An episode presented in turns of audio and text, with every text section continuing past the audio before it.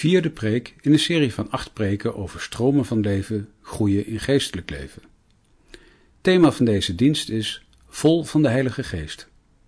Voorganger is dominee Johan Visser. Opgenomen op 25 oktober 2020 in de Noorderkerk te Amsterdam. Ja, daar gaan we over horen hoe het evangelie in Samaria kwam. Uh, handelingen 8 is dat.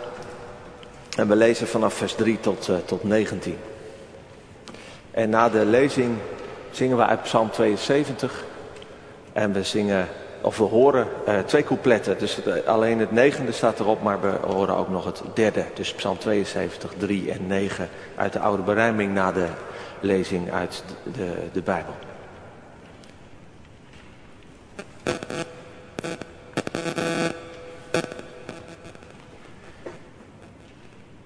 Handelingen 8, vers 3. En Saulus begon de gemeente te verwoesten. Dus de gemeente in Jeruzalem. Hij ging de huizen binnen, sleepte mannen en vrouwen mee en leverde hen over in de gevangenis. En zij dan, die overal verspreid waren, dus de mensen die op de vlucht gingen, trokken het land door en verkondigden het woord. En Filippus daalde af naar de stad van Samaria en predikte hun Christus. En de menigte hielden zich eensgezind aan wat door Filippus gezegd werd, omdat ze luisterden en de tekenen zagen die hij deed. Want bij velen die onreine geesten hadden, gingen die er onder luid geschreeuwen uit en veel verlamden en kreupelden werden genezen. En er ontstond grote blijdschap in die stad. En een zeker man van wie de naam Simon was, bedreef, sinds, eh, bleef reeds hiervoor in de stad toverij magie, zouden we zeggen. En met toverij dan zit je een beetje in de wereld van Harry Potter. En dan moet je wat om lachen, maar het, het gaat over magie. Een hele serieuze, wijdverbreide vorm van spiritualiteit in de, in de oudheid.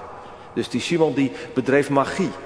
En die deed het volk van Samaria versteld staan. Terwijl hij van zichzelf zei dat hij een groot man was. Alle van klein tot groot hingen hem aan en zeiden, deze man is de grote kracht van God. En ze hingen hem aan omdat hij hen lange tijd met magie versteld had doen staan. Maar toen zij Filippus geloofden, die het evangelie van het koninkrijk van God en de naam van Jezus Christus verkondigde, werden zij gedoopt, zowel mannen als vrouwen. En Simon geloofde zelf ook. En nadat hij gedoopt was, bleef hij voortdurend bij Filippus. En toen hij de tekenen en de grote krachten zag die er gebeurden, stond hij versteld. En toen de apostelen die in Jeruzalem waren hoorden dat Samaria het woord van God aangenomen had, stuurden zij Petrus en Johannes naar hen toe. En toen die aangekomen waren, baden zij voor hen dat zij de Heilige Geest mochten ontvangen. Want hij was nog op niemand van hen gevallen, maar ze waren alleen gedoopt in de naam van de Heer Jezus. En toen legden zij hun de handen op en zij ontvingen de Heilige Geest. En toen Simon zag dat de Heilige Geest gegeven werd door het middel van de handoplegging van de apostelen, bood hij hun geld aan en zei, geef ook mij deze macht, opdat een ieder wie ik de handen opleg, de Heilige Geest ontvangt. Tot zover het woord van God. En je bent zalig, werkelijk gelukkig als je het hoort en het bewaart.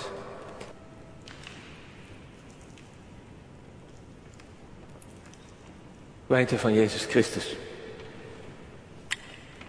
Stel dat je thuis de kraan opendraait en er komt geen water uit.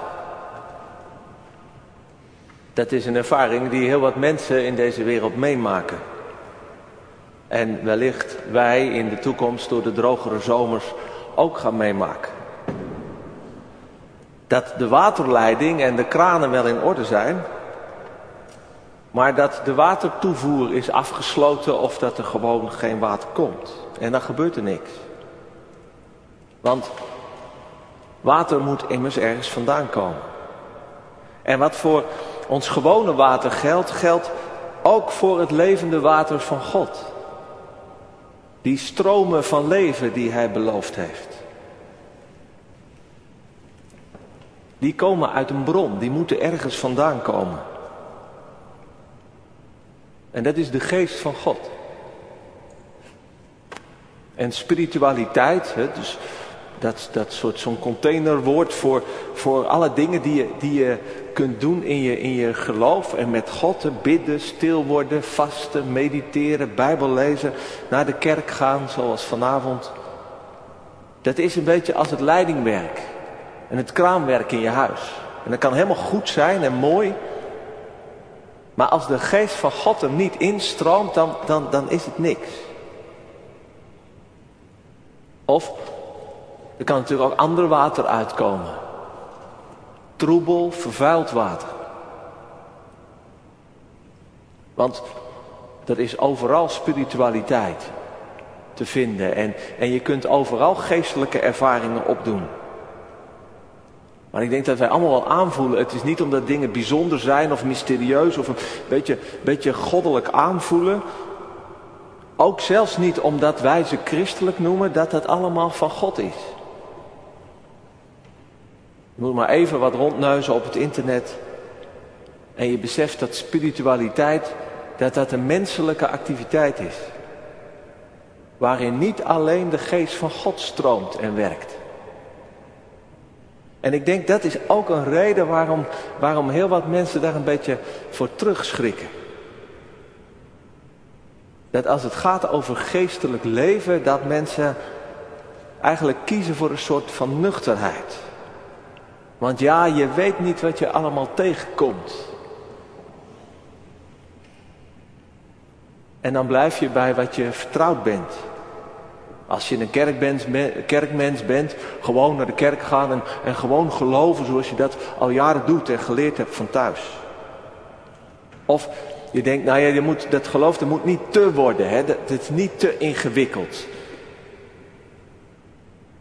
En dan, dan doe je ook een beetje zoals je het altijd doet en je, je houdt vooral zelf de controle. Maar of het zo in onze levens gaat stromen, dat betwijfel ik.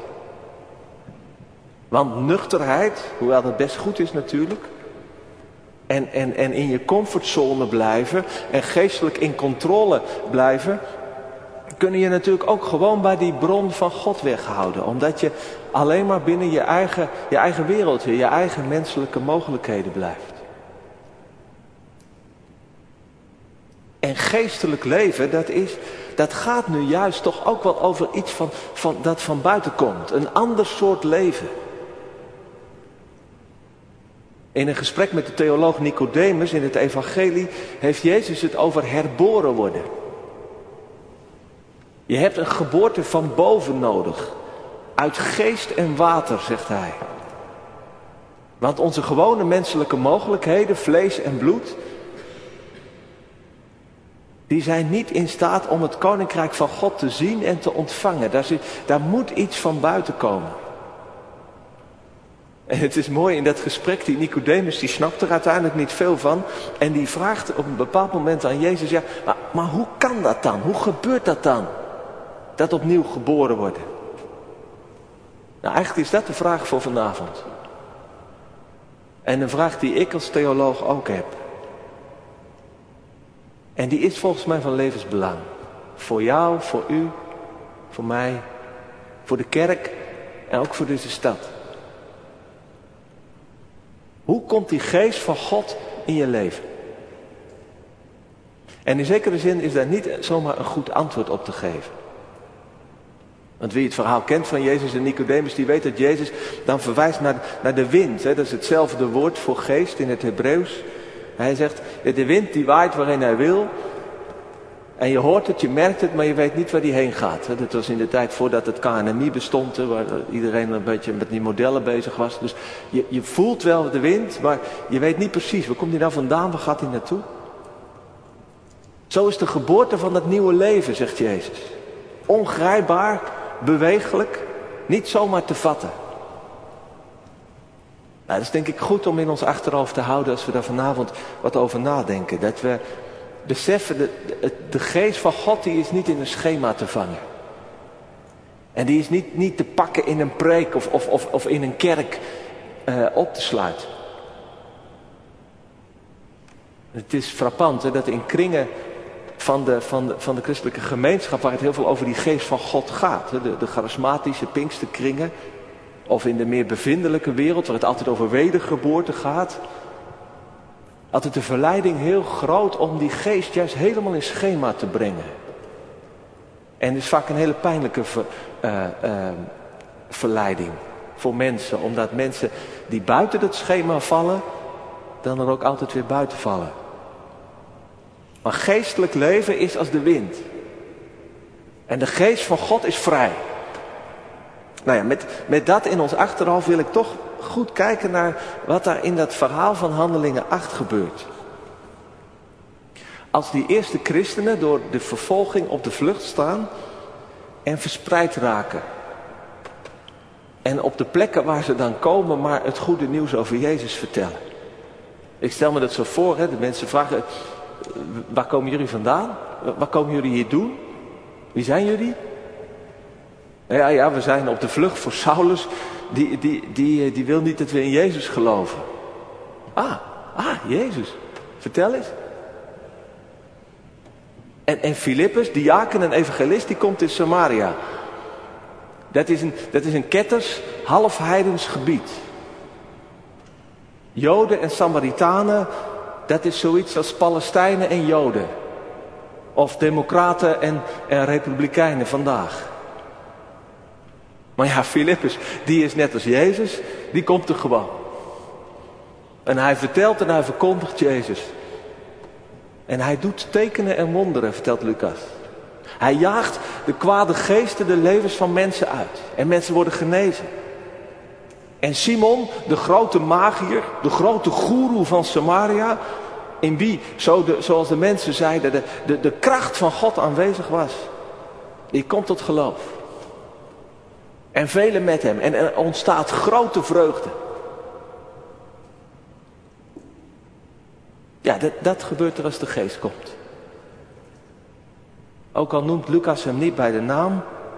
Dit is de geest. Want de mensen die op de vlucht waren geslagen, die hadden de geest ontvangen. En die zijn in de kracht van de geest, zijn ze, zijn ze daar gekomen.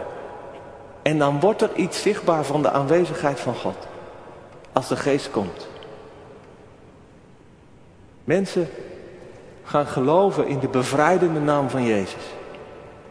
En duistere, angstige krachten die worden gebroken. En dat gebeurt midden in de wereld. Dus in de ogen van de vrome mensen, van, van, van, van de Joodse godsdienstige mensen, bij, bij, die, bij die halve heidenen daar. En, en, een, en een spirituele goeroe die zichzelf very, very great and awesome noemde. Die wordt erdoor geraakt. En het zijn de vluchtelingen, dat vond ik ook nog mooi voor vandaag, in onze tijd. Het zijn de vluchtelingen die huis en hart hadden moeten verlaten. Die, die, die, die worden gebruikt daarvoor. Die maar deden wat ze niet laten konden. Ja, hier zie je die wind. De geest die waait waarheen hij wil. En die brengt leven. Die brengt dat leven wat Jezus ook bracht. Waar Jezus kwam gebeurde iets van het leven. Daar, daar werd God koning. Het rijk van God begon. Dat is het eerste en dat is belangrijk. Dat de geest van God is altijd te herkennen aan deze vruchten. Paulus schrijft ergens anders. Niemand kan zeggen dat Jezus Heer is dan door de Heilige Geest. En dat is meer dan alleen maar zeggen. De geest is altijd de geest van Jezus. Die Jezus Heer maakt. Die ervoor zorgt dat iets van, van, van de kracht en de, en de aanwezigheid van Jezus in het leven komt. In de nood bij mensen. Want dat is toch een van de kenmerken van Jezus. Dat hij daar was waar nood was. Bij de zondaars. Niet de mensen die, die al gezond waren. Maar de mensen die een dokter nodig hadden. En daar komt hij met vergeving, met bevrijding, met heelmaking, met gerechtigheid en uiteindelijk met vreugde. Het is goed leven en de stad werd een stad waar feest werd gevierd. Dat doet de geest. Ik vond een mooi citaat bij William Seymour. William Seymour was de, was de grote man van de Pinksteropwekking in Los Angeles. 1906, het begin van de, van, van, van de Pinksterbeweging in de, in, de, in de kerk. Azusa Street, Los Angeles, 1906.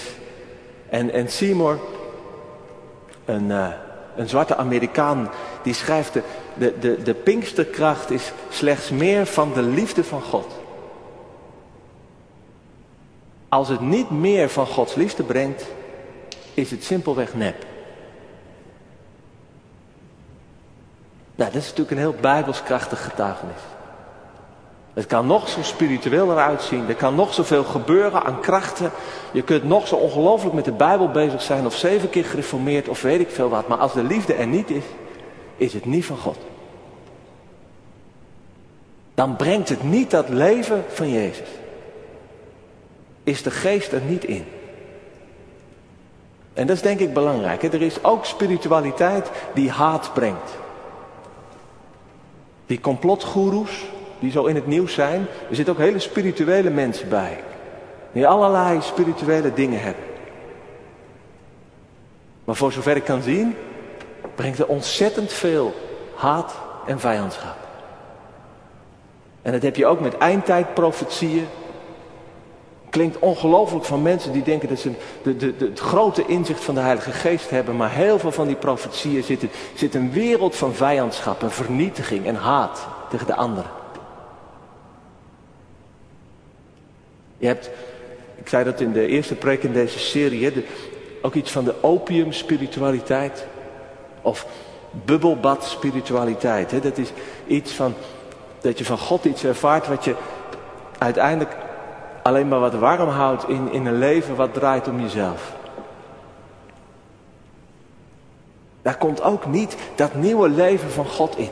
Dat breekt je leven niet open. Dat maakt je niet echt levend, maar dat houdt je in dat consumentenbestaan van vandaag, waarin het om jezelf draait. En je hebt het ook wel een beetje nodig om in balans te blijven. Maar het is niet de geest van God die er doorheen breekt. En je hebt ook de spiritualiteit die, die, die velen van ons ook denk ik wel kennen. Een spiritualiteit die op angst is gebaseerd. En er zitten heel veel bijbelteksten bij. En vaak ook hele oprechte vroomheid van mensen daaronder. Maar je leven, dat blijft een beetje onder het noodlot hangen. Van God die je wel of niet uitkiest. En daardoor komt je leven niet echt in de sfeer van de liefde van God. Maar het blijft in de onzekerheid en de angst hangen. De geest van God, die is herkenbaar aan het Jezusleven. Dat ontstaat als hij gaat stromen. Dat zien we hier gebeuren in Samaria. Nou, en dat, dat horen ze ook in Jeruzalem. Waar de apostelen ondanks de vervolgingen zijn gebleven. Iedereen die, die gaat weg, maar de apostelen waren blijkbaar zo in aanzien dat, dat Saulus niet, niet aan hen kon komen. En ze horen dat in Samaria hebben ze het woord van God aangenomen.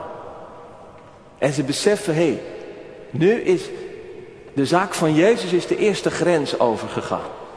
Dat was de belofte van Jezus. Jullie zullen getuigen van mij, eerst in Jeruzalem, dan in Judea en dan in Samaria en dan tot aan het eind van de wereld. De eerste grens zijn we over, ja, daar moeten ze meer van weten. Dus gaan Paul, Petrus en, en Johannes op pad.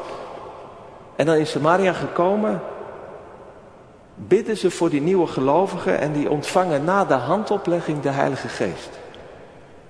Want, zo schrijft Lucas, de geest was nog op niemand van hen gevallen, maar ze waren alleen gedoopt in de naam van de Heer Jezus. Dat gebeuren, dat ze wel tot geloof waren gekomen, maar, maar nog niet de geest hadden ontvangen, dat roept allerlei vragen op. Maar was de geest dan niet, niet uh, aan het werk toen, toen die mensen geloofden? En alles wat er met Filippus aan de hand was, jawel toch? Of is er dan een soort, nog een soort van extraatje van de Heilige Geest? Die je pas in tweede instantie ontvangt. Dit gedeelte is eigenlijk het grote Pinkstergedeelte hè, voor wat men dan de second blessing noemt. Een tweede zegen van de geest. Ook wel verbonden met, met bijbelse beelden als de vervulling en de doop met de Heilige Geest. Je kunt tot geloof komen, maar je moet dan nog een, een tweede zegen ontvangen. Door handoplegging. En het teken daarvan is dat je na, na die ontvang, dan ga je in, in tongentaal spreken. Een soort extatische taal. En trouwens in de katholieke traditie vanaf de vroege kerk is dit, dit gebruikt, zat die handoplegging, dat, dat was een soort zegen die je kreeg van de bisschop. Omdat het de apostelen waren en het was de bisschop die dan de Heilige Geest, de gave van de Geest doorgaf.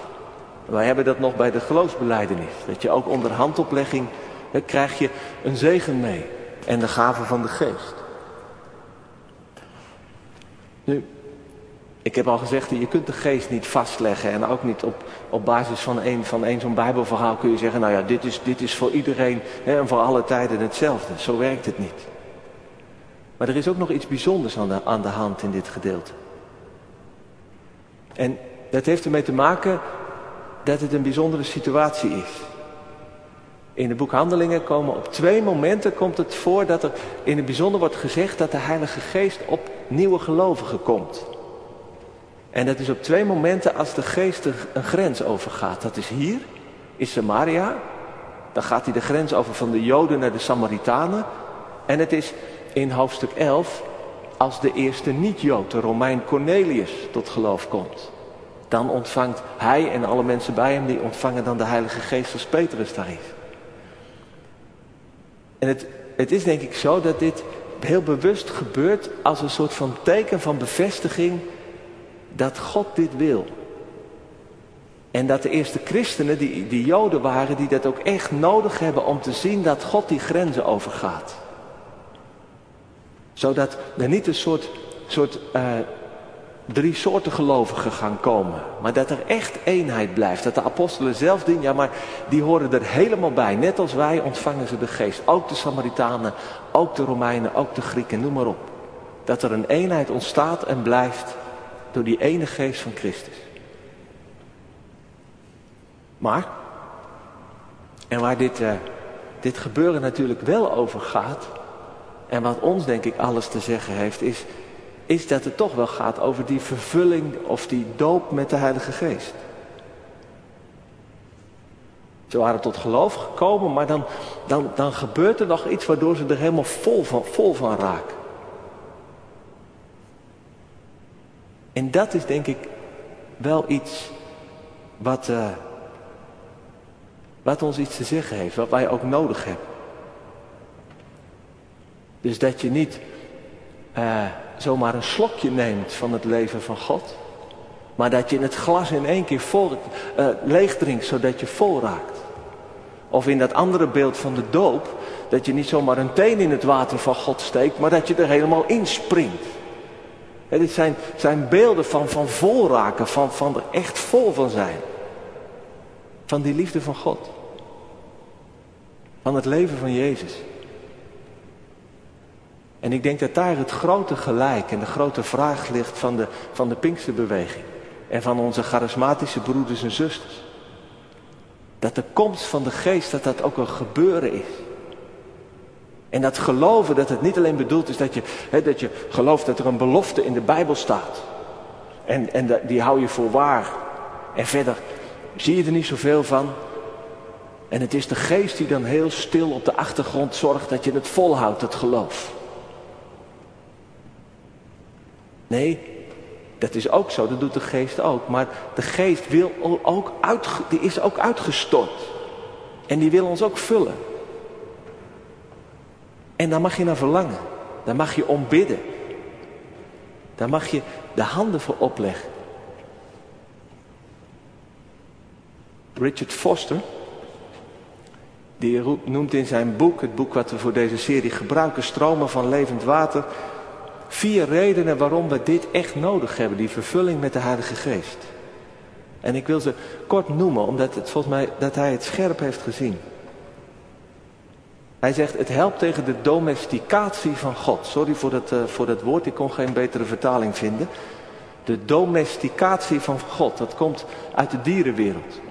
Dat wilde dieren worden tam gemaakt. De Heilige Geest zorgt ervoor dat, dat God niet ons, ons huisgodje wordt. Dat geloven niet een of ander tam vanzelfsprekend gebeuren wordt. Waarbinnen wij God binnen onze kaders en onze wensen gevangen houden. En je merkt dat bij die eerste christenen. Die moesten op de vlucht. Maar zo vervuld door de geest bleven ze gewoon doorgaan waar ze toe geroepen waren. Gingen niet bij de pakken neerzitten. Waren ook niet alleen maar bezig met overleven. Nee, ze werden gebruikt om het evangelie verder te brengen. God die zit niet alleen maar binnen onze mogelijkheden, maar God die gebruikt vreemde routes. Ook een crisis. Misschien ook wel een crisis als waar wij nu vandaag in zitten. En je kunt denken van nou we moeten hier maar doorheen komen en dan, dan hopelijk wordt het weer normaal zoals vroeger. Kunt denken van nou we moeten ons maar wat terugtrekken. Bezorgd, terecht bezorgd om de gezondheid. Je kunt ook zeggen, van, wat, wat je bij sommige christenen wel ziet, van nou, die overheid die moet zich niet met ons bemoeien. We gaan heel stoer, gaan wij wel onze eigen gang. We doen, we doen het zoals we het altijd deden, of dat willen we eigenlijk. Of misschien betekent als je vervuld bent van de geest, wel dat je een gevoel hebt van, hé, hey, waar zou de geest ons nu hierin leiden? Zou die juist op die vreemde, misschien ook wel wat pijnlijke manier van deze crisis ons willen gebruiken? Dat gebeurt alleen als, je, als, je daarvoor, als, als de geest je daarvoor je ogen opent. Dat is het eerste. Het tweede wat die Foster noemt is... de vervulling met de Heilige Geest is een medicijn tegen een lauw en een vermoeid leven. Geloofsleven. Lauwheid, dat is dat je tevreden bent met een minimum. Nou ja, als ik dit nog doe, is het wel goed hè. Als ik niet te veel gekke dingen doe, nou, dan is het toch wel genoeg. En als je dan in een crisis, als er meer van je wordt gevraagd, of als het niet als de gewoonte weg is, dat het dan toch heel lastig wordt. Of ook, denk ik, die lauwheid, die heeft in onze tijd ook wel de, de gedaante van het consumentisme aangenomen. dat je als een consument in het leven staat en in het geloof. Dat je eruit pikt wat jij fijn vindt. Wat jij nodig hebt. Welke groep, welke club jou aanstaat. Dat je heel scherp kritisch kan kijken of het wel goed is bij die anderen. Maar zo raak je niet vol. Zo zit je niet op de spoor van het leven van Jezus. En we hebben denk ik die geest nodig die ons vult met zijn liefde die, die meer dan het minimale is. En meer is dan onze wensen. Zodat er iets van, van de overvloed in ons leven komt en ook uit ons leven kan, kan vloeien. En dat onze lauwe en ook vermoeide harten weer wat gaan, gaan, gaan branden en bruisen. En het derde is dat Foster zegt, de vervulling met de geest is de uitnodiging tot geestelijke groei. Dus dat er in je leven ook iets groeit van God. Dat je geen baby of consument blijft, maar dat je groeit tot een volwassen mens die verantwoordelijkheid wil dragen. Dat er ook iets van zekerheid en rust in je leven en je geloof groeit.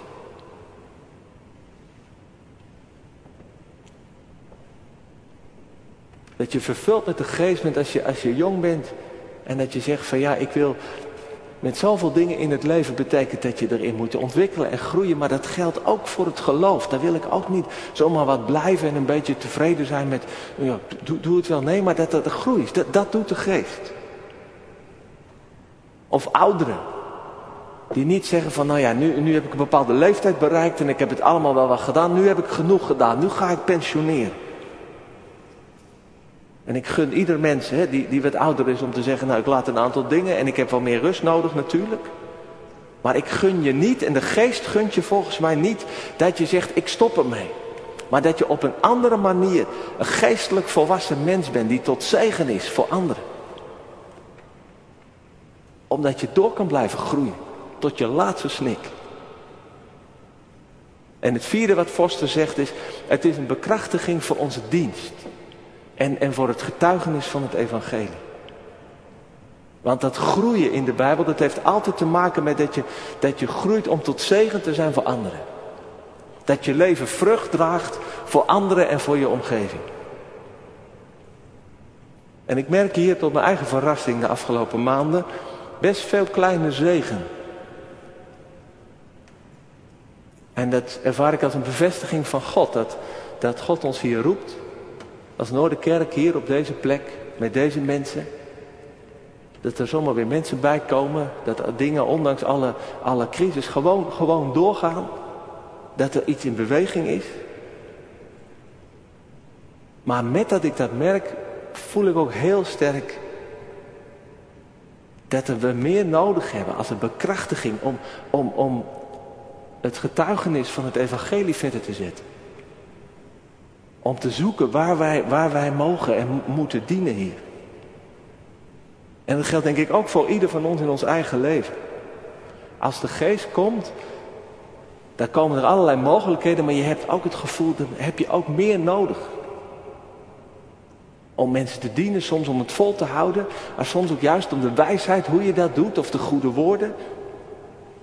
En dan kun je aan hele grote dingen denken. Dat is bij zo'n verhaal in de Bijbel altijd een beetje dat je denkt, dat is een mega opwekking of zo. En denk maar niet te groot, gewoon dat je, dat je oog krijgt voor de mensen om je heen. Maar net iets scherper. Zoals iemand zei van een collega die, die uh, in, de, in, de, in de coronacrisis ontzettend bang was om ziek te worden. Want dat zou zoveel gevolgen hebben in, de, in, in, haar, uh, in haar omgeving. En dat je er dan op, op afstapt en, en, en laat merken dat je, dat je die, nood, die nood begrijpt. En kan ik iets voor je doen? En dan zoek naar de wijsheid. En hoe kun je dan, dan iemand daarin helpen? Zou het niet helpen dat, dat ik voor je bid?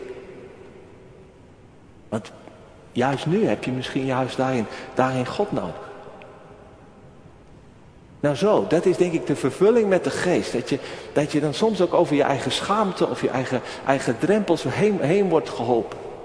Niet omdat het moet, maar omdat het gewoon machtig goed is. Dat leven van God voor anderen. Nou, zou, zou je dit niet willen? Zouden we, zouden we hier niet naar verlangen met elkaar? Ja, toch? Nou, dan die, die laatste vraag. En misschien wel de vraag waar je, waar je heel de tijd al mee zit. Maar hoe dan? Hoe word je nu vervuld met die geest? Hoe, hoe werkt dat nou gewoon in de praktijk? Uit het gebeuren in Samaria, dan kom ik weer even terug naar het verhaal om af te sluiten, wordt het duidelijk dat je de, dat je de geest kun je niet afdwingen. Niet manipuleren. Of kopen, hè, zoals Simon, die nog een beetje vastzit in zijn oude magische manier van denken, dat voorstelde. Simon die komt er in de christelijke traditie erg slecht af. Hè, dus die wordt eigenlijk afgeserveerd. Die, die, uh, die, die heeft niet echt geloofd. Maar uiteindelijk aan het eind, je moet het maar eens lezen, dan valt het eigenlijk nog wel mee. Ik denk, denk dat de, hij vraagt of Petrus voor hem wil bidden. En die heeft dat natuurlijk gedaan. En dat is uiteindelijk mooi goed gekomen met die, met die oude magier. Maar hier snapt hij, het, hij het niet. Die geest kun je niet kopen. Kun je niet vastgrijpen als een soort product. Want de geest die wordt je geschonken. Die ontvang je, die wordt uitgestort, die valt over je zoals het hier staat. Je kunt dus eigenlijk alleen maar om de geest vragen. Je handen open doen. Erop vertrouwen, hopen dat je die ontvangt. En ik heb er, om eerlijk te zijn, heel de, heel de week een beetje tegen aangehikt tegen deze preek. Want ja, ik kan er nog zoveel over spreken. Ik zou zo graag willen dat ik het zou kunnen maken. Dat, dat je de geest uit de hemel zou kunnen, kunnen preken of zo. Of zingen. Maar we zijn ontvangers. En daarom is het denk ik vooral een zaak van gebed. En laten we het ook echt een zaak van gebed maken. Met een verlangen. En misschien wel is het in jouw leven, in uw leven, een, diep gemis. Een soort van leegte waar je denkt, ja, dit, dat, dat is zo leeg, dat moet echt vol worden van God. Of misschien is het veel meer vanuit al een eerdere ervaring, dat je, dat je, dat je erop vertrouwt, dat je verdieping en, en, en verfrissing kan ontvangen. Nou, dat zullen we straks ook doen in het lied na de geloofsbelijdenis. En laten we dat van harte doen. Kom, Heilige Geest. En toen viel me nog één ding op. De geest komt door handoplegging. En daar wat over nadenken dacht ik, oh ja, die geest komt dus door anderen. De geest van God zoekt mensen individueel op. Maar de geest is ook altijd verbonden met de gemeenschap. Je hebt dus blijkbaar de handen van anderen nodig, waardoor de geest op je kan komen. En dat is geen magisch ritueel of zo.